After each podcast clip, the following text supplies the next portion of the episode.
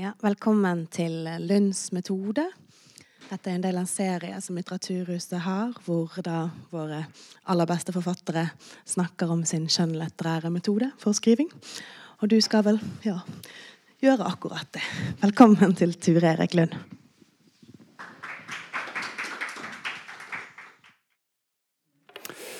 Jo, takk for at jeg ble invitert til Bergen.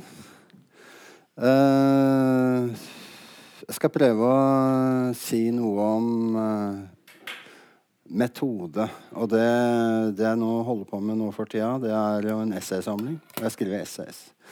Og det er da skjønnlitterære essays. Um, uh, noe av den samme metoden, hvis vi skal ta utgangspunkt i det, på å skrive en roman, det kan også gjelde for det, de essayene jeg skriver. For um, det er eh, Det er eh, noen eh, Det er en overbygning som man på en måte Den er uklar. Det er en prøvende overbygning som ligger som en forutsetning for at man da skal begynne å skrive disse essayene.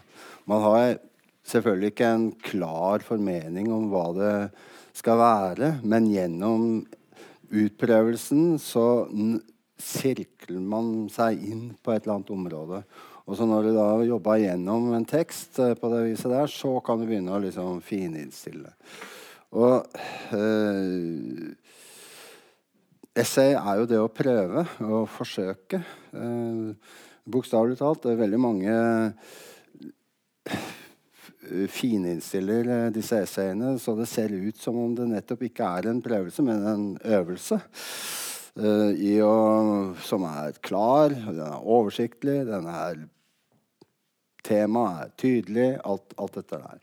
Uh, jeg har uh, valgt som en slags sånn credo, eller, eller som en metode, i å blandet med min litterære holdning, som er overskridelse, overskudd, kjøre på, det massive alt dette her. Så det, Derfor så lener den metoden seg, sånn som jeg snakker om, da, disse veldig lett til uh, den type skriving. Og jeg finner det veldig frigjørende å sitte og, stå, sitte og skrive om dette der. Um, og når du har Fordi du har, jeg har da i denne essaysamlingen så har jeg hatt én stor overbygning som på en måte har gjort at jeg betrakter alle de tilfeldige temaene som jeg da kan uh, hekte meg borti. Uh, det betrakter jeg med den overbygningen. Og kan, det er den overbygningen. Det er på en måte en slags sånn framtidsinstans. En, en teknologisk situasjon som er uoverskuelig for oss det er på en måte det motbildet jeg skriver mot, altså som per se, og som er gitt å være som er helt ubeskrivelig. Fordi det er inn i framtiden. Vi veit ingenting om det.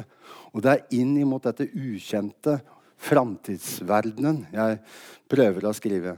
Og dermed så ligger jo da essaysjangeren, sånn som jeg utvikler den, eller prøver å utvikle den, den legger seg veldig tett opp til nettopp å nærme seg og prøve å beskrive en slik tilstand.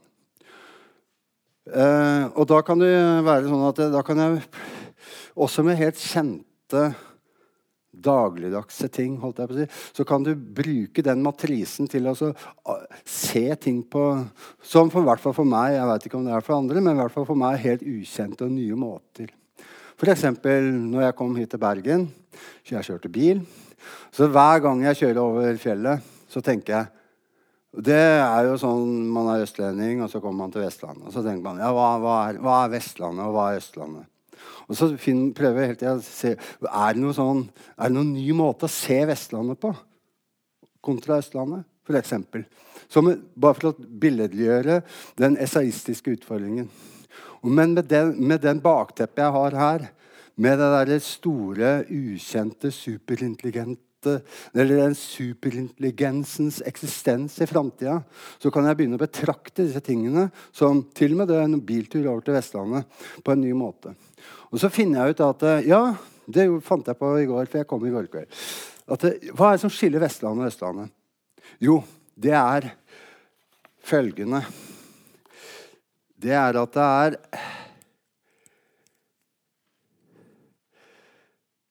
Det er mye mer utilgjengelig overflate på Vestlandet. På Østlandet så er all overflate, i hvert fall størsteparten av dem, den er, den er tilgjengelig. Vi kan gå på det, vi kan ta på det. På Vestlandet så er Hvis vi, tenker at et, et, land, og så krøller vi det sammen som en sånn stor sånn flate sånn så er det, Hvis vi strekker den ut, så er den, er den menneskelig tilgjengelig. Vestlandet blir menneskelig utilgjengelig. Der, der, vi, begynner, vi kan begynne rent matematisk, eller, eller gjennom en uhyre kom, uh, velutviklet uh, system utvikle, for eksempel, Finne fram enkelte tallfigurer som kan beskrive det.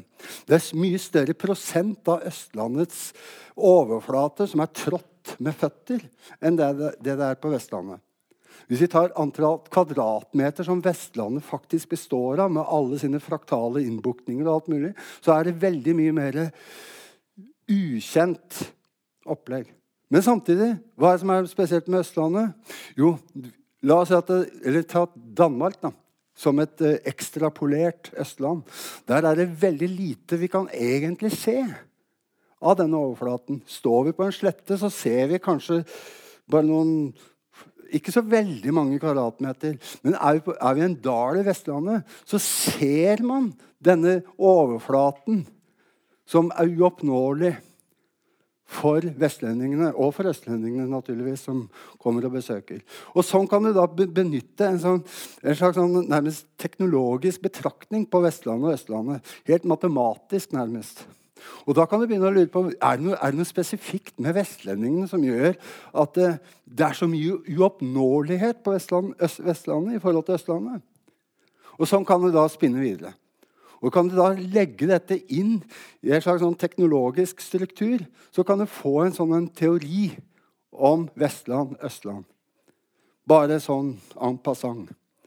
Det er bare et, dette er da, det jeg har fortalt nå, det er, et, det er et begynnelse på et essay som jeg ennå ikke har skrevet. Bare for å fortelle akkurat hvordan du kan bruke teknologiske overbygninger for å få en som egentlig du Jeg selv er ikke noe uh, teknologisk utdannet i det hele tatt, men man har en vag og uklar idé om hva det vil si å gjennomføre hva skal jeg si, slike teknologiske tankeeksperimenter.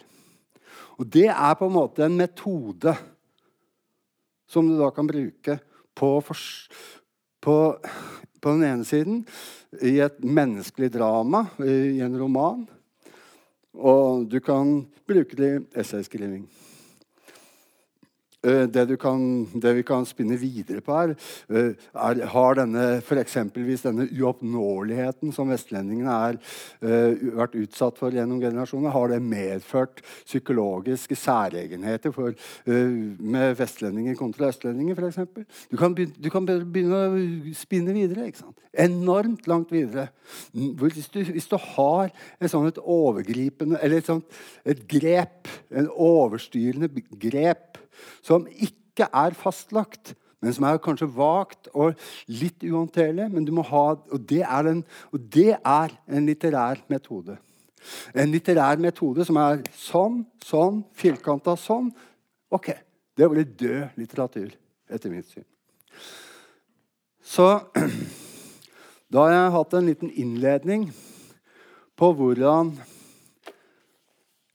en hvordan metoden på dette her.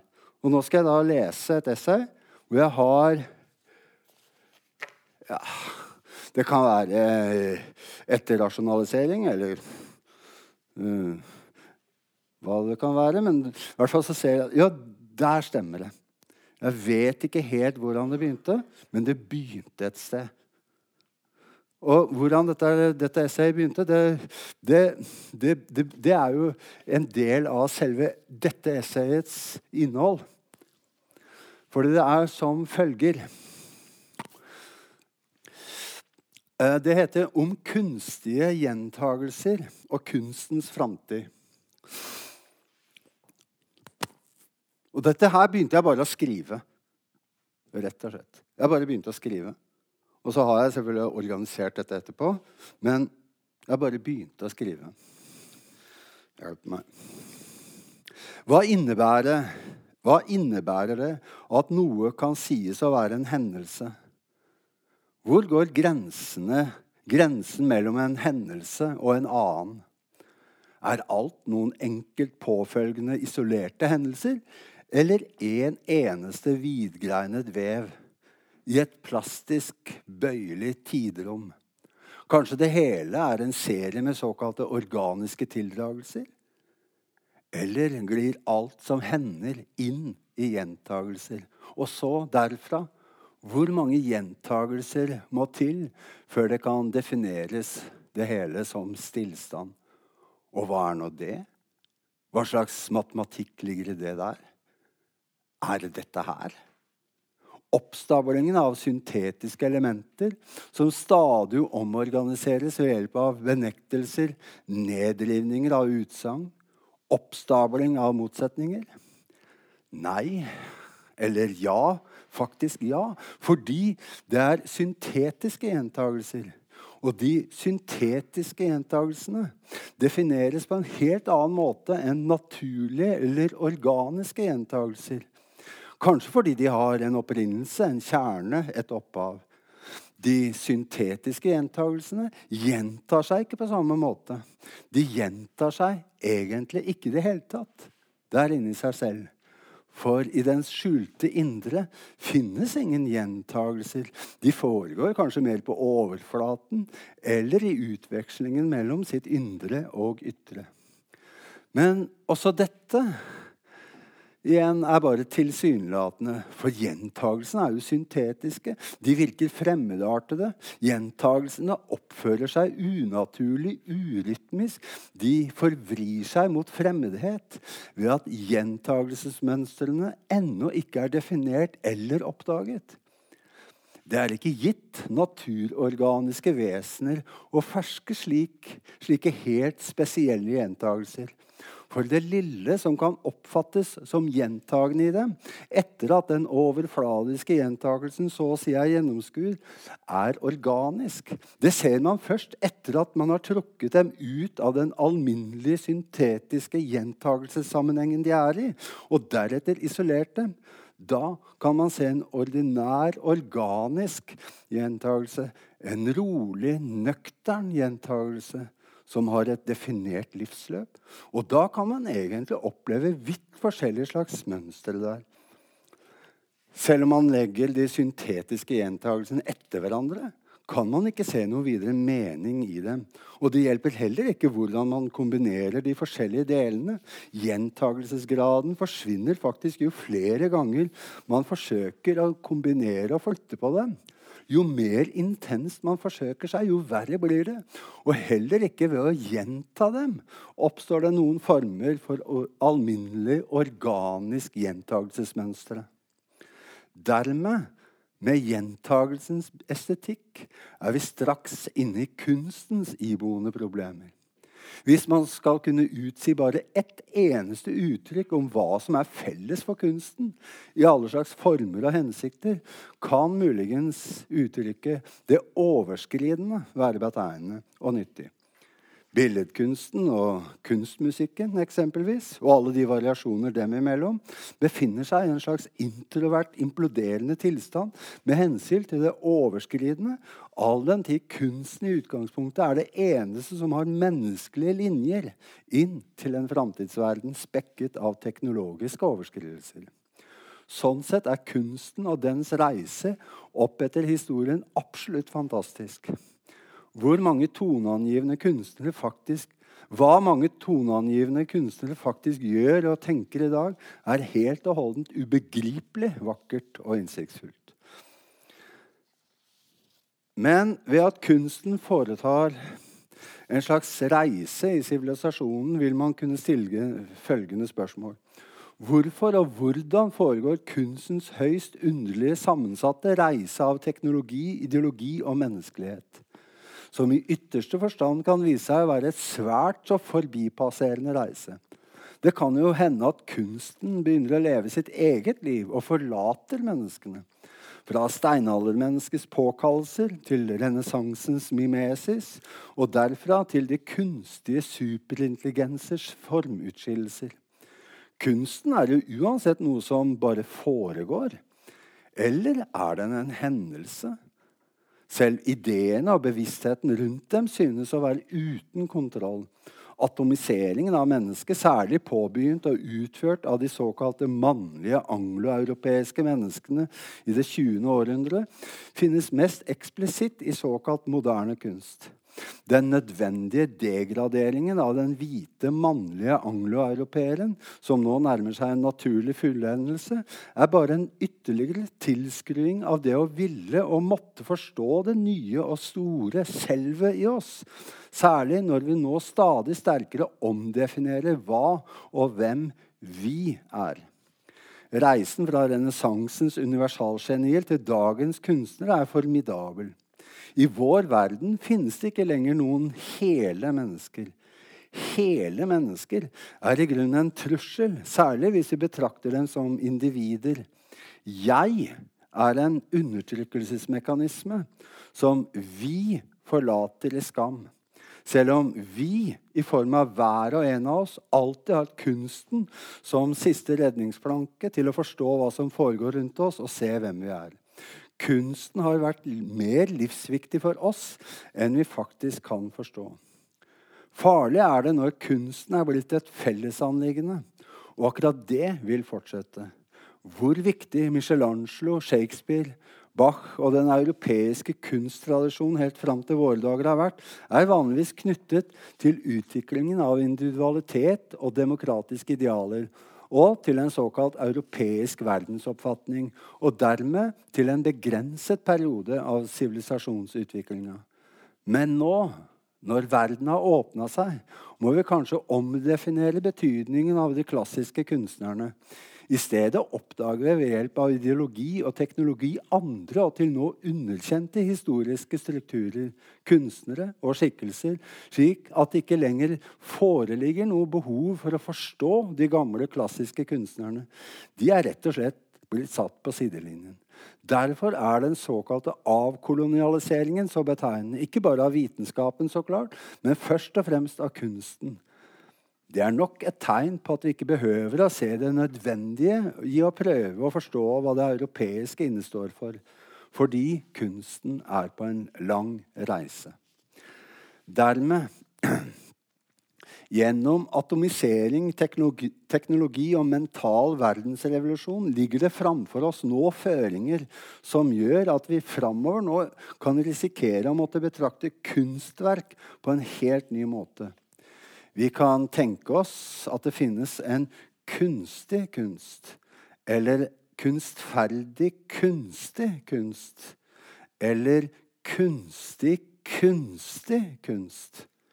I dette nokså merkelige og kanskje absurde forsøket på å skrive eller utsi det kunstige ved den kunstige kunsten, befinner det seg en forestilling om at denne kunsten har i seg en retning mot det menneskelige overskridende, at dens potensialitet nå ikke kan være annet enn antiindividualistisk, materiell, den er global og til og med syvende og sist ikke vedkommer eller kan forstås av mennesker eller humane bevisstheter, men kun eksistere som et godvirkende fenomen, og som kanskje best kan begripes av kunstig intelligens, og at dette her er en måte for et menneske som meg angivelig å forestille meg en slags framtidig syntetisk kunst som er ubegripelig, hypermoralsk, globalideologisk og dermed irrelevant og meningsløs for enkelttenkende mennesker av kjøtt og blod. Men at jeg allikevel forsøker å strekke meg inn i denne på forhånd utlagte, overskridende globale verden, og således få til et slags møte mellom meg selv som enkeltmannstenker og den komplekse, kommunikative, globale eksistensen. Som da gjør at man som menneske ved å sirkle vikle inn denne kunsten, kan forstå eller hjelpe forstå en verden som nå vagt synes å kunne framstå for oss en verden styrt av kunstig intelligens, potensiell singularitet og komplekse globale teknologiske systemer. Dette møtet som denne teksten forutsetter mellom ens egen atomifiserte, selvubegripelige bevissthet og det helt ut utenkelige kunstobjektet som da er hensatt i en modernitet, glir dermed rett inn i en bombe av innsikt om hva for slags overskridelser av virkeligheten en slik framtidig kunstinstans kan få seg til å utføre. Vi har ingen sjanse til selv å erkjenne denne innsikten. I stedet kan vi begi oss ut på en reise hvor vi hele tiden står i fare for å ta uendelige omveier. Kanskje vi kan komme på baksiden av den? Se en slags vrengside, på samme måte som astronomer oppdager eksoplaneter ved periodisering av observerte lysavbrudd, eller slik man oppdager nye kjernepartikler i akseleratorer. På samme måte som kunsten har gjort det i 500 år, er det vitenskapen som mer og mer overtar utvidelsen av virkeligheten. Og da det nå utelukkende foregår gjennom en ekstrem teknologisk fiktivitet, der hver og en av oss må tolke hva noen få spesialister makter å viderebringe av sine tolkninger av maskinenes registreringer av observerbare fenomener, som igjen baserer seg på, at, på en at maskinen maskinenes interne innsnevringer av sine egne avlesninger. Så da kunne man kanskje tro at kunst og vitenskap samsmelter seg. For det alminnelige mennesket går det kanskje ut på ett, gitt kompleksiteten som fins i det, som allerede nå synes å være åpenbar. Men ikke engang det vil vi kunne si sikkert. Og i hvert fall ikke i framtiden, når vitenskapen angivelig har gjort enorme framskritt. Sofistikerte, avanserte, kunstig intelligensaktige framskritt inn i helt nye virkelighetslag som på hver sine unike måter utvider seg. Det vil kanskje være en menneskelig sett usanselig kunst. Muligens vil vi ikke engang forstå eller oppfatte at det foregår kunst en gang. er i det fullabstraherte rommet eller situasjonen som denne kunstige, kunstproduserende enheten har frambrakt.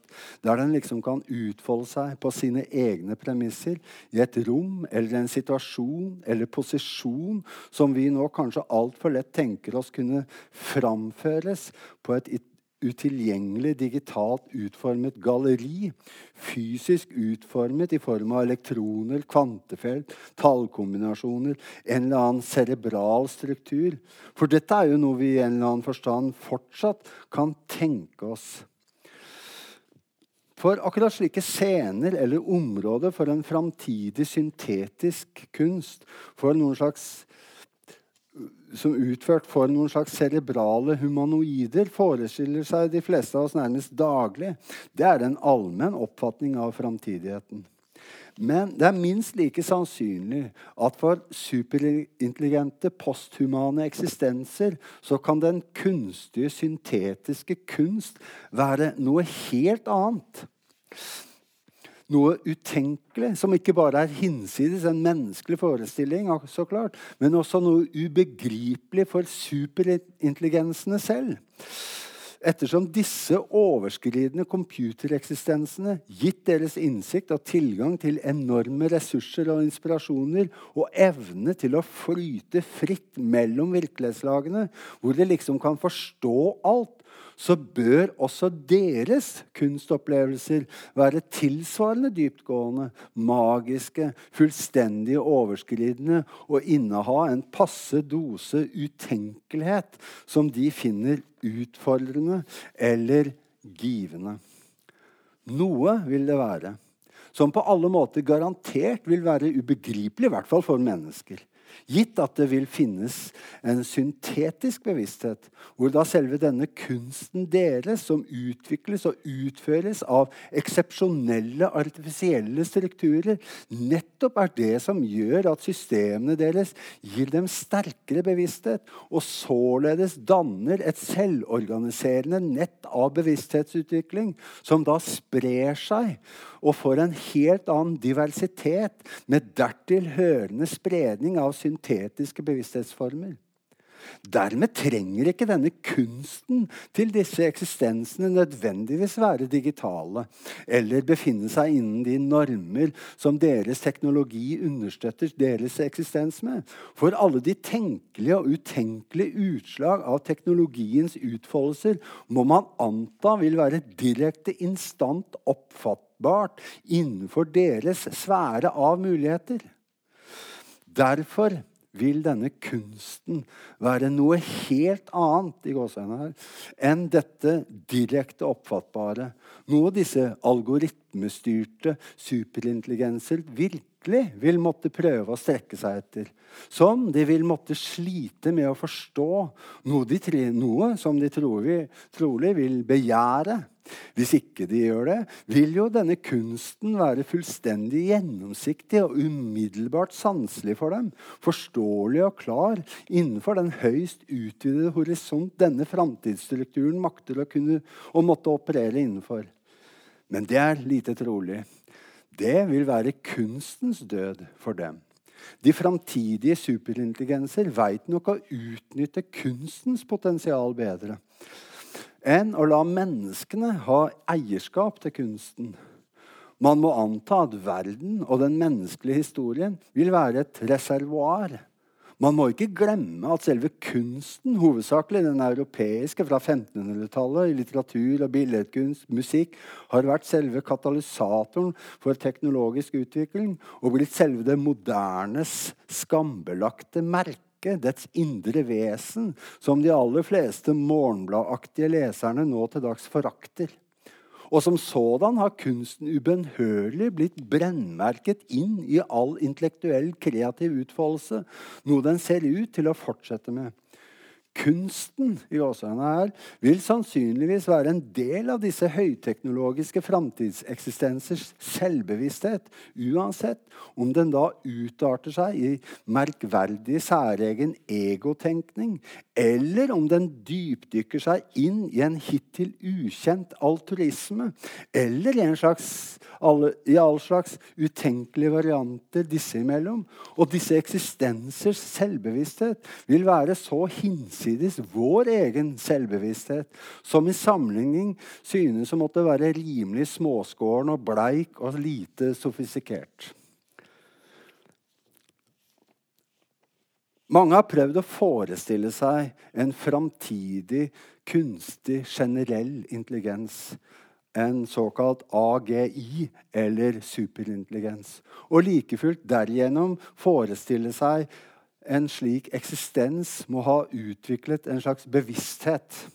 Noe man nå for tiden forsøker å forestille seg gjennom all slags algoritmeutvikling, maskinlæring, selvgenererte bio, biodigitale substanser, med utgangspunkt i de mer eller mindre menneskelige koder som fins innbarka i dem.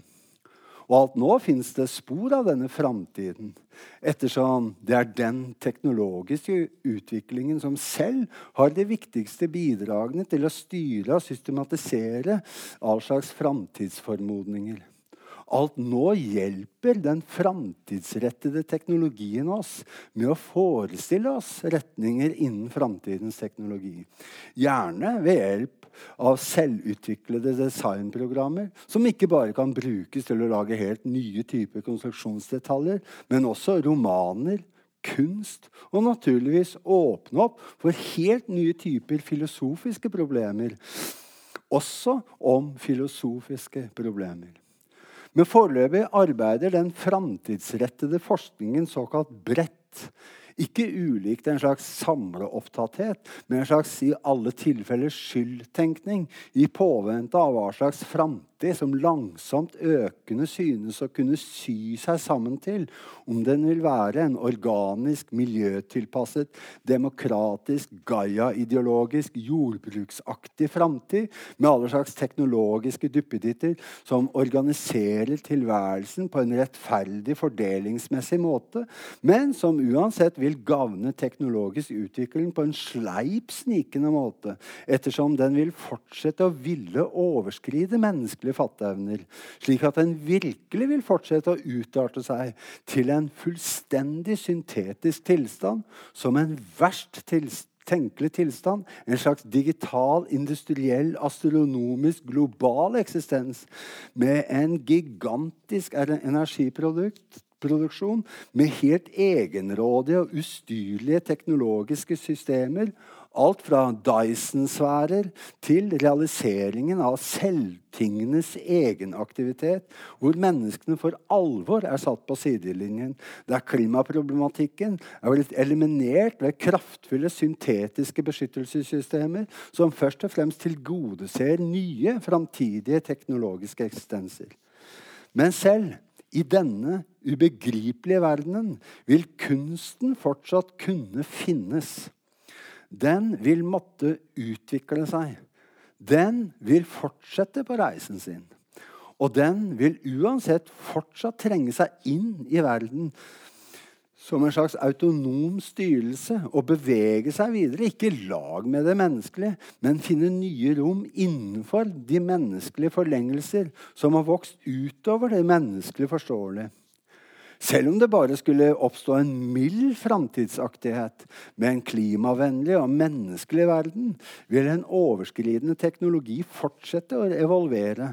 Men den vil trekke med seg en ganske så uhørt abstrakt ideologisk utvikling, hvor dagens veganere vil fortone seg som smågutter i sammenligning. Dagens veganere vil i framtiden bare bli degradert til noen feite Frp-ere foran ei pølsebu. Og selv om denne abstrakt ideologiske tilstanden formodentlig vil bli godt hjulpet av det vi allerede nå oppfatter som en behagelig og normal teknologiutvikling, med en singularitetsoppståen om 400 år f.eks., så vil det uansett ganske raskt i nærmeste framtid oppstå helt ukjente og helt ut utenkelig abstrakte nivåer av denne underlige sammensmeltningen av venstreorientert ideologi, atferdsmønstre, kultur, kjønn, kropp, klasse, digital teknologi og et slags oppblåst menneskesyn, forskrudd hyperhumanisme, på en sånn måte at det framtidsmessig overskridende og ubegripelige uansett vil kunne gi rom for en høyst utstudert syntetisk kunst som krever at menneskene hensetter seg i den ovennevnte nysyntetiske framtidsideologiboblen for i det hele tatt å kunne respondere på den. Men det kan jo òg hende at denne ubegripelige kunsten allerede foregår nå hva vi nå uansett måtte forstå hva et nå eller hva en samtid er. Nå er vi i stand til å se kunst overalt. Noen av oss mener det faktisk at absolutt alt er kunst. De kunstaffinitive mer enn noen andre er ved å flagge en slik oppfatning så mye mer mennesker enn noen.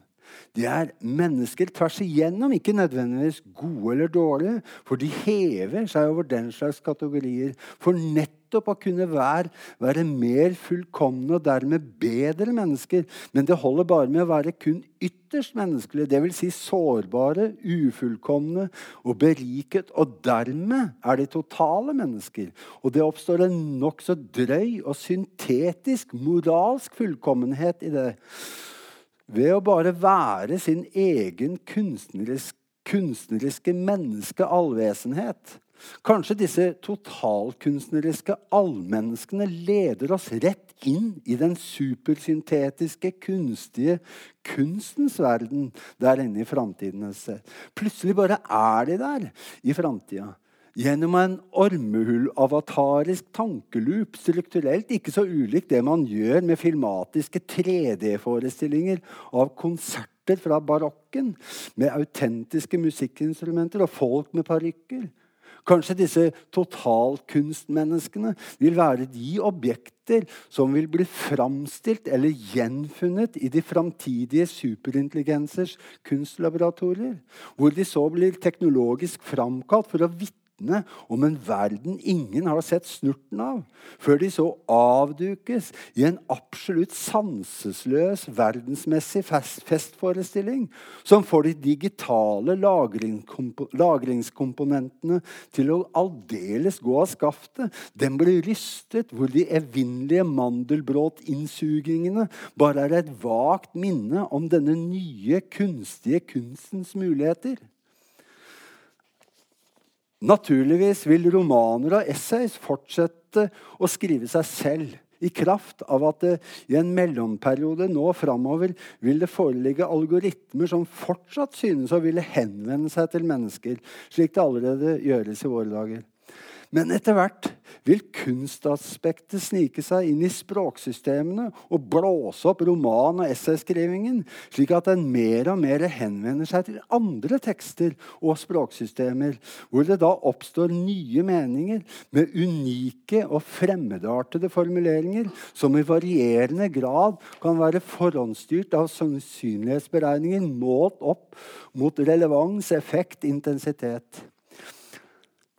I en viss periode vil nok mennesker forsøke å etterligne enkelte teknologiske skriftstykker, enten ved bevisst og begjærlig låse seg fast i et og annet teknologisk språksystem, eller prøve å tviholde på en slags fri individualitet som tross alt må være bundet opp i en spesifikk identitet, basert på slekt, historie, språk, stedegenhet, og derigjennom liksom angripe den teknologiske verden med sjarmerende midler ved å prøve å være et skrivevesen som da prøver å betrakte seg selv som et foranskutt lin, fors en forsøksskikkelse, en utsatt sjel i en kaotisk verden, og som tviholder på en såkalt klassisk menneskelighet, slik noen kanskje tror jeg gjør nå, men som meget lett står lammet overfor den stadige ras av nye problemer som dukker opp i den stadig framskridende, uoversiktlige teknologiske malstrømmen, hvor jeg nå da, formodentlig og eksempelvis,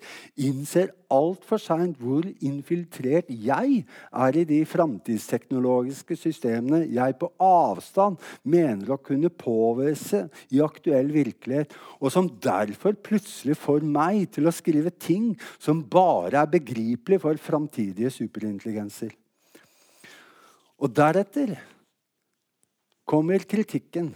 Ja, kunst- og litteraturkritikken den forsvinner ikke. Hvis noen hadde trodd det, at den skulle forsvinne. Å nei, du. Kritikken kommer. Ubønnhørlig, nådeløs, med sine særegne, roterende, selvpromoterende byks. Den går over i andre og helt ubegripelige former, den også. Slik vi allerede nå i de moderne, sekulære, vitenskapsdrevne samfunnene har innført kritikk som noe helt nødvendig og oppbyggelig, så vil også kunst- og litteraturkritikken være en intim og naturlig del av all slags kunst- og litteraturproduksjon som disse framtidseksistensene vil utføre kunst- og litteraturkritikken vil anta særegne mønstre. Kanskje den i motsetning til dagens utøvere hele tiden vil ønske å ha det ubegripelige og det tilsynelatende idiotiske som norm. Ja, hva veit jeg? Den vil lovprise kunstverk og litteratur som erobrer eller kreerer ukjente materier og nye tilstander. Men ikke for det. Kritikken er nærmere kulturen enn det kunsten ofte er. Og de superintelligente systemene vil nok i større grad benytte seg av forskjellige slags oppgraderte hybridvesener. Fylt opp av kulturelle algoritmer vil en forsøke å avkleve gamle maktmønstre, nettopp fordi kunst og kultur alltid har hatt et motsetningsfylt forhold, enda så nært knyttet de er til hverandre. Men det vil nok være større forskjeller mellom kunst og kultur enn nesten noe annet. Mens kritikk av kultur nærmer hverandre. Kultur er respondivt innbakt teknologi, mens kunsten blir mer og mer andethet. Den blir altså mer gitt å være idiotisk og ubegripelig, mens kritikken blir således mindre forståelsesfull. Den, den blir hardere. Den synes nødvendig å bygge videre på at det bør eksistere indre motsetninger i de superintelligente systemene.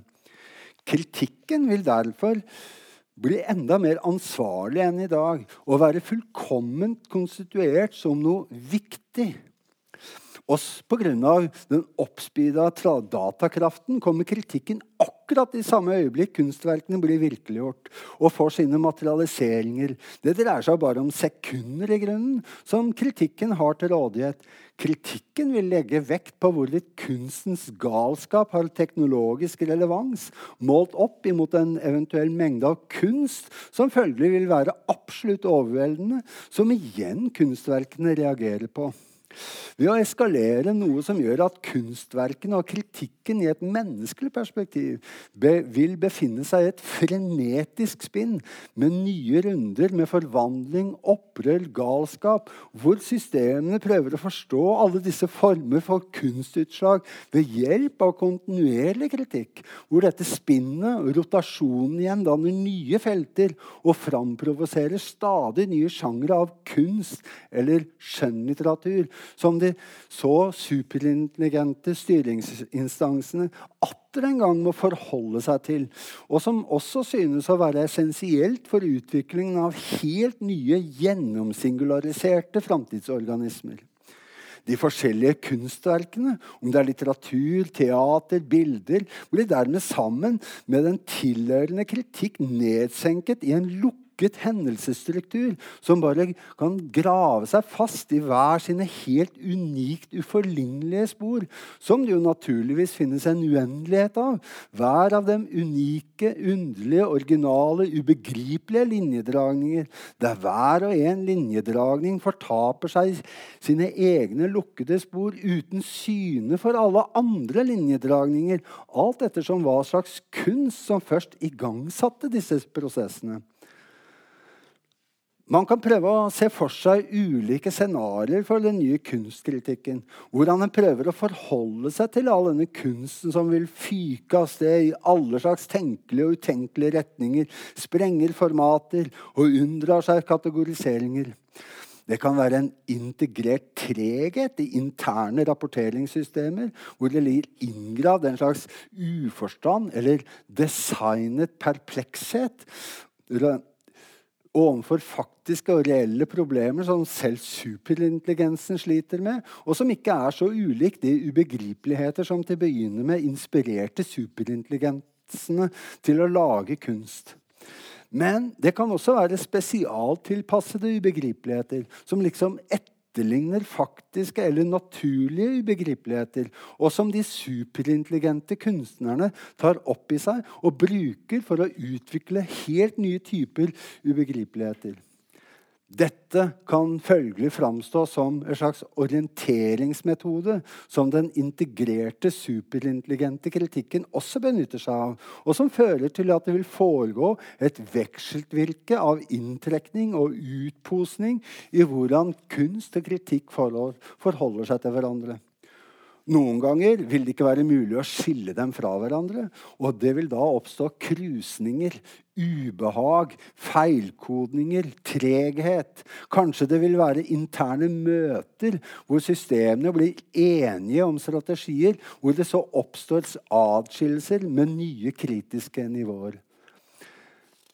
Men denne vekslingen mellom atskillelse og samføring av kunst og kritikk vil også måtte foregå over flere nivåer, med motsatte strategier, strategier som så nok en gang smelter sammen, før det så igjen oppstår nye avrivninger.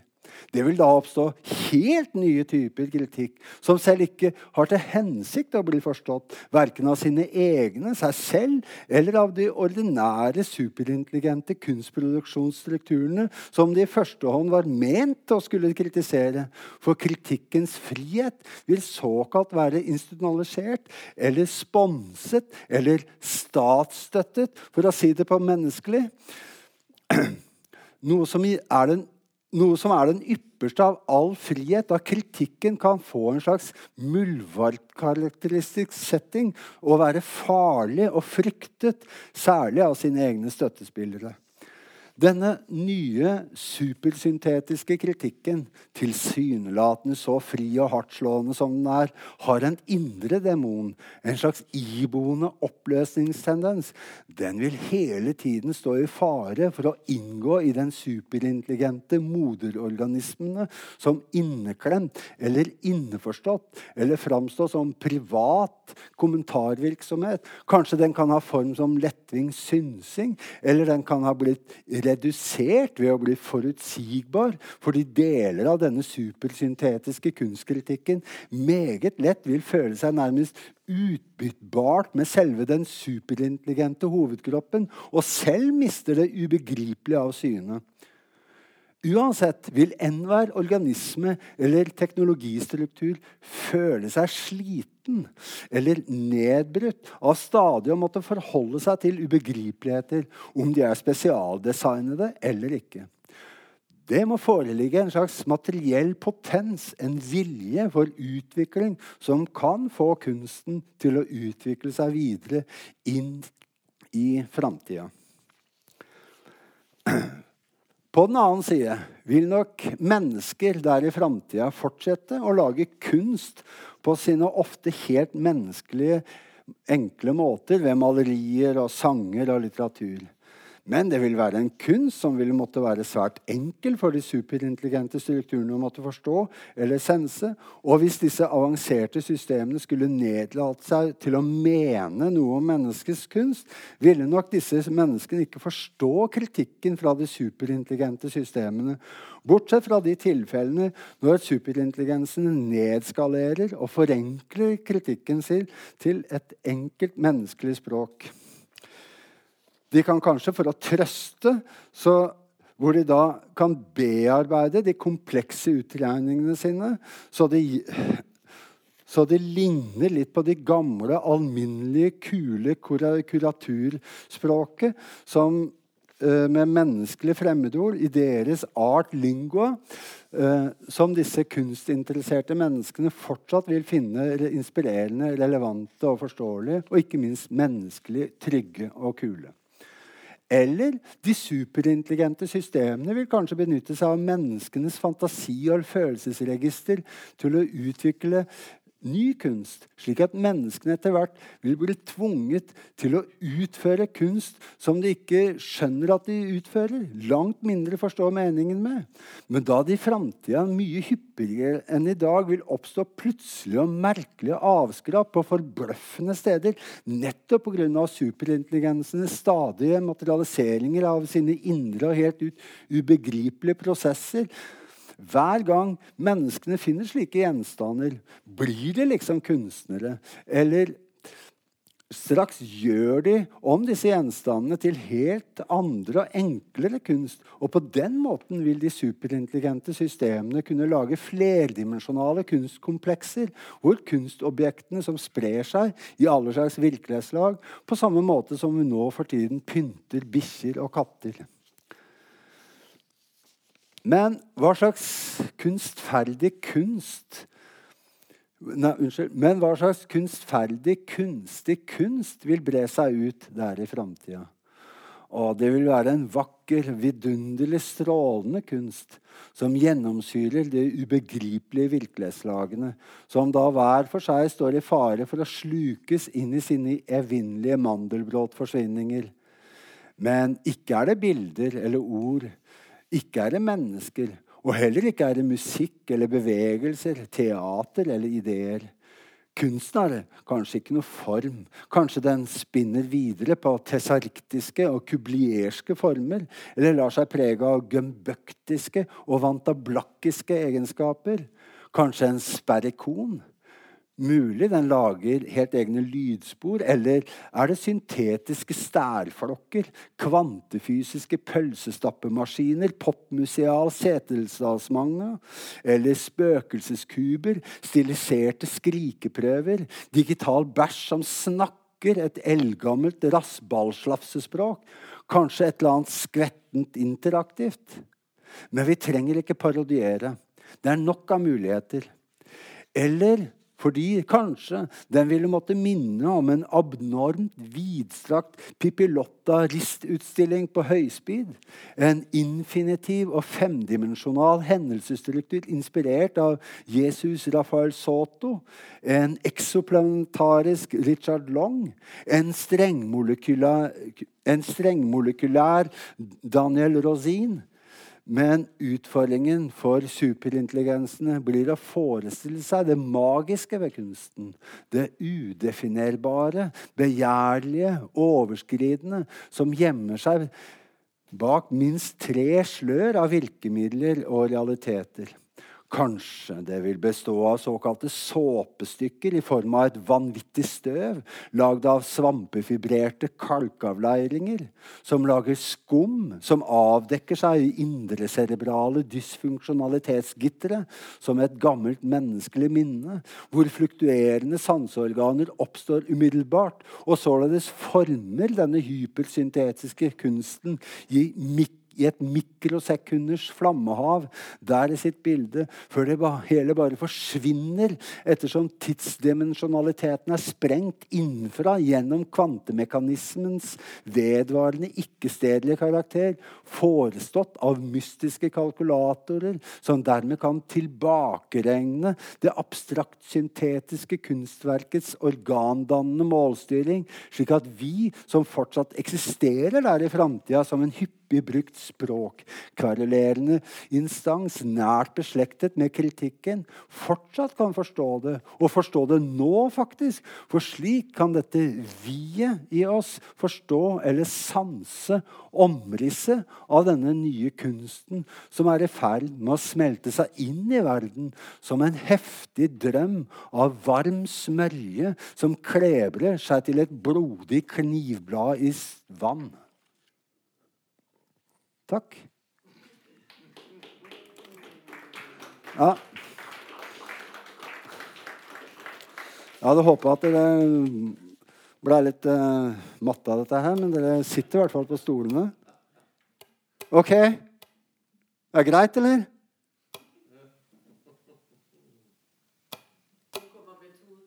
Hæ? Det er jo det jeg snakker om til å begynne med. Det er formutsprengning i verden, ikke sant? Essayet i seg selv er en slik formutsprengning.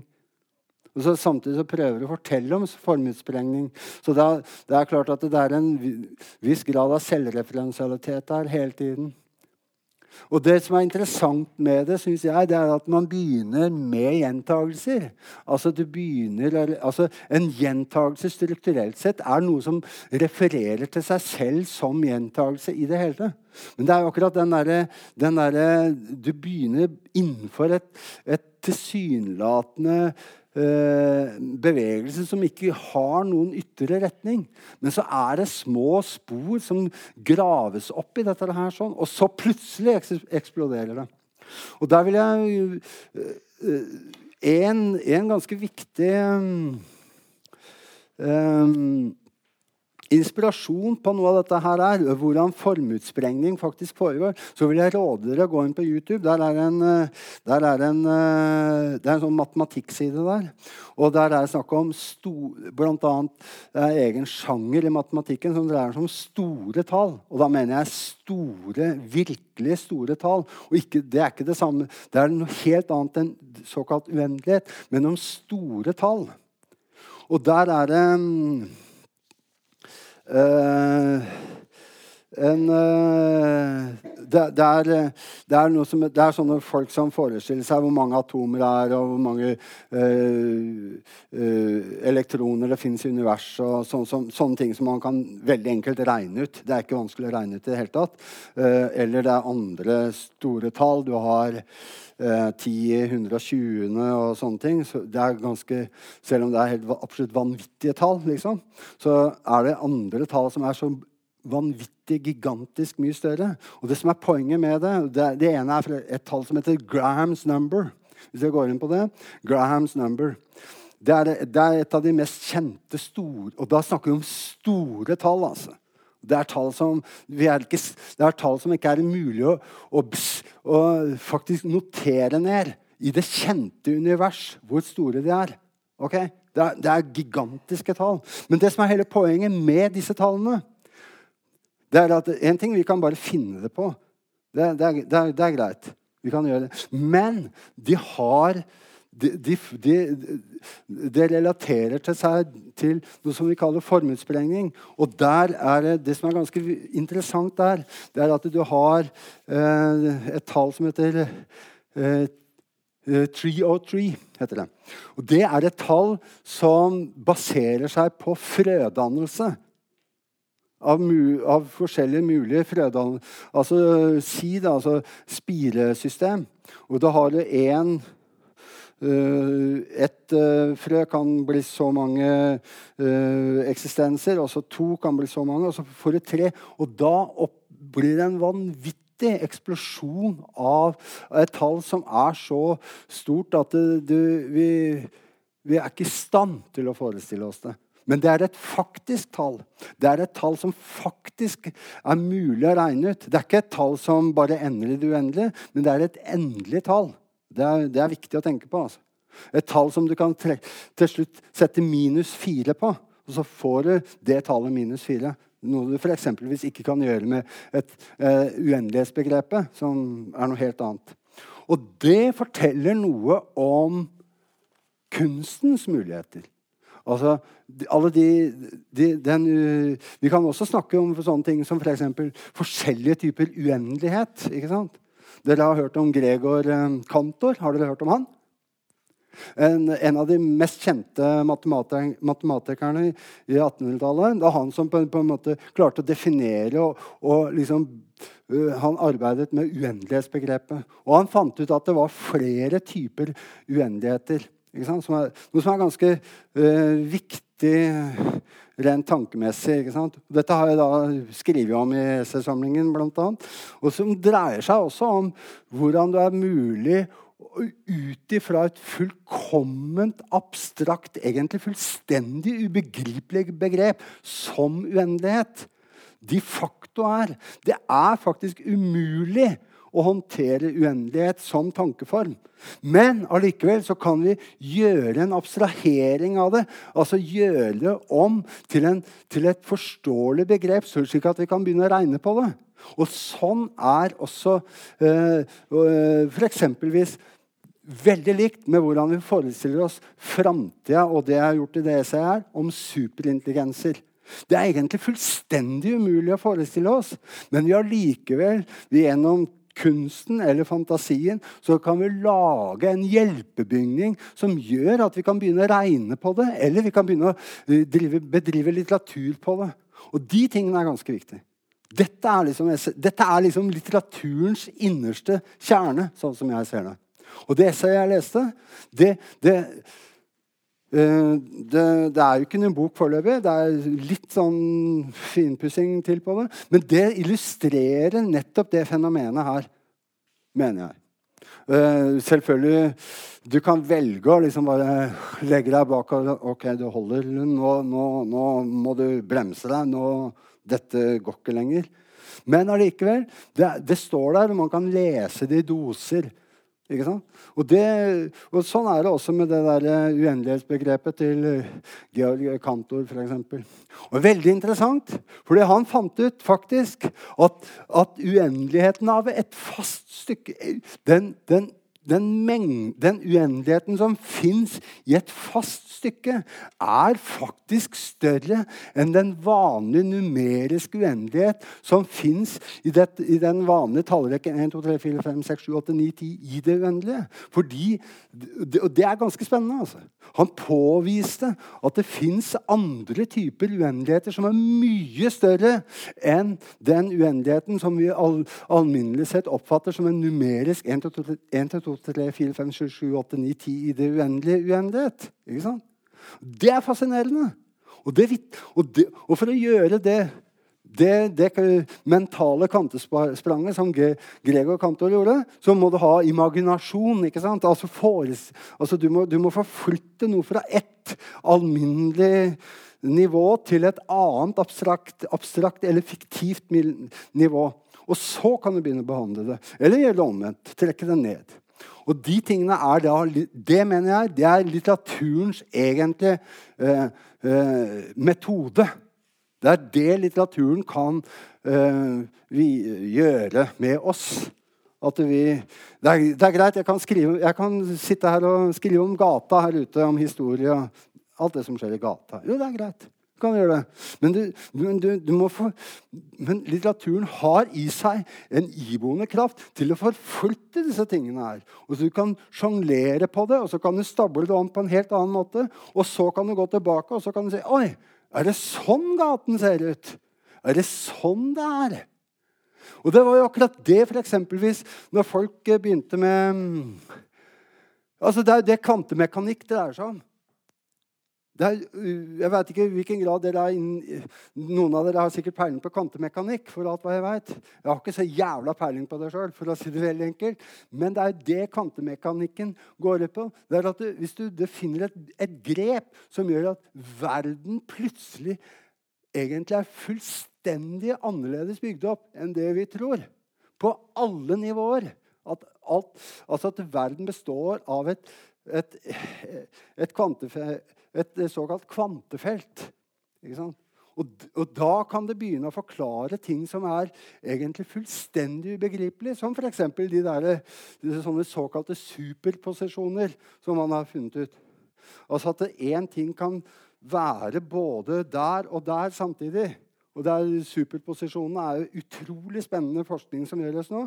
Nå har man klart å få ett punkt til å være Til å begynne med så klarte man å få ett punkt å være ca. en halv meter fra hverandre samtidig. Altså, altså det, er, det, og det, revolusjonerer hele vår oppfatning av hva som er sant og riktig, og hva som er faktisk og ikke faktisk. For Superposisjon forteller at det er der, og så er det, men det er jo der og samtidig. Og Det illustreres jo best med f.eks. det Skrødingers katt-eksempelet. Katten til Skrødinger i boksen. ikke sant? Er han død? Han er både død og ikke død. ikke sant?